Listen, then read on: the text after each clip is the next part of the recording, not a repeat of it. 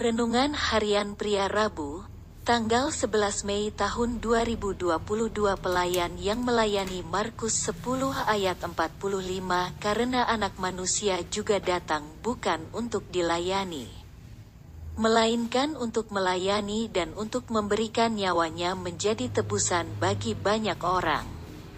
Permintaan Yohanes dan Yakobus membuat murid-murid Yesus yang lainnya menjadi marah kepada mereka. Ambisi yang salah selalu akan menimbulkan konflik satu sama lainnya. Itu yang terjadi di antara murid-murid Yesus. Lalu Yesus memanggil semua murid-muridnya itu dan menjelaskan sebuah nilai dalam kerajaan Allah yang harus dipraktekkan dalam melayani. Melayani bukan untuk mencari posisi, tetapi untuk kemuliaan Tuhan. Melayani harus menjadi gaya hidup dan tujuan hidup, bukan sambilan. Itulah yang Yesus ajarkan kepada murid-muridnya dan dengan memberikan contoh dari kehidupan Yesus sendiri. Tujuan kedatangannya adalah untuk melayani dan bukan dilayani.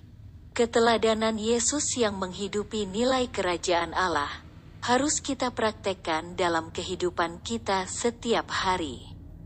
Jangan sampai kita hanya melayani jika kita diberi tugas dan tanggung jawab. Jangan kita melayani hanya karena kita mempunyai posisi atau kedudukan.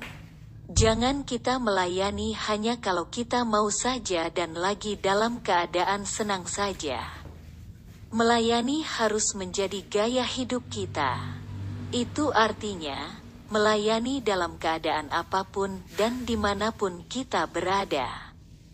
Jangan jadi pelayan yang nganggur. Seorang pelayan yang baik adalah pelayan yang mempunyai inisiatif dari dalam dirinya untuk bertindak. Yesus tidak menunggu orang-orang datang kepadanya, baru ia melayani. Yesus berinisiatif mencari orang-orang lain untuk dilayani olehnya. Refleksi diri, apa yang firman Tuhan katakan kepada Anda? Bagaimana kehidupan Anda dengan firman Tuhan itu? Catat komitmen Anda terhadap firman Tuhan itu. Doakan komitmen Anda itu, pengakuan iman, dengan pertolongan Tuhan saya melayani untuk mengikuti teladan Yesus yang mempunyai gaya hidup melayani.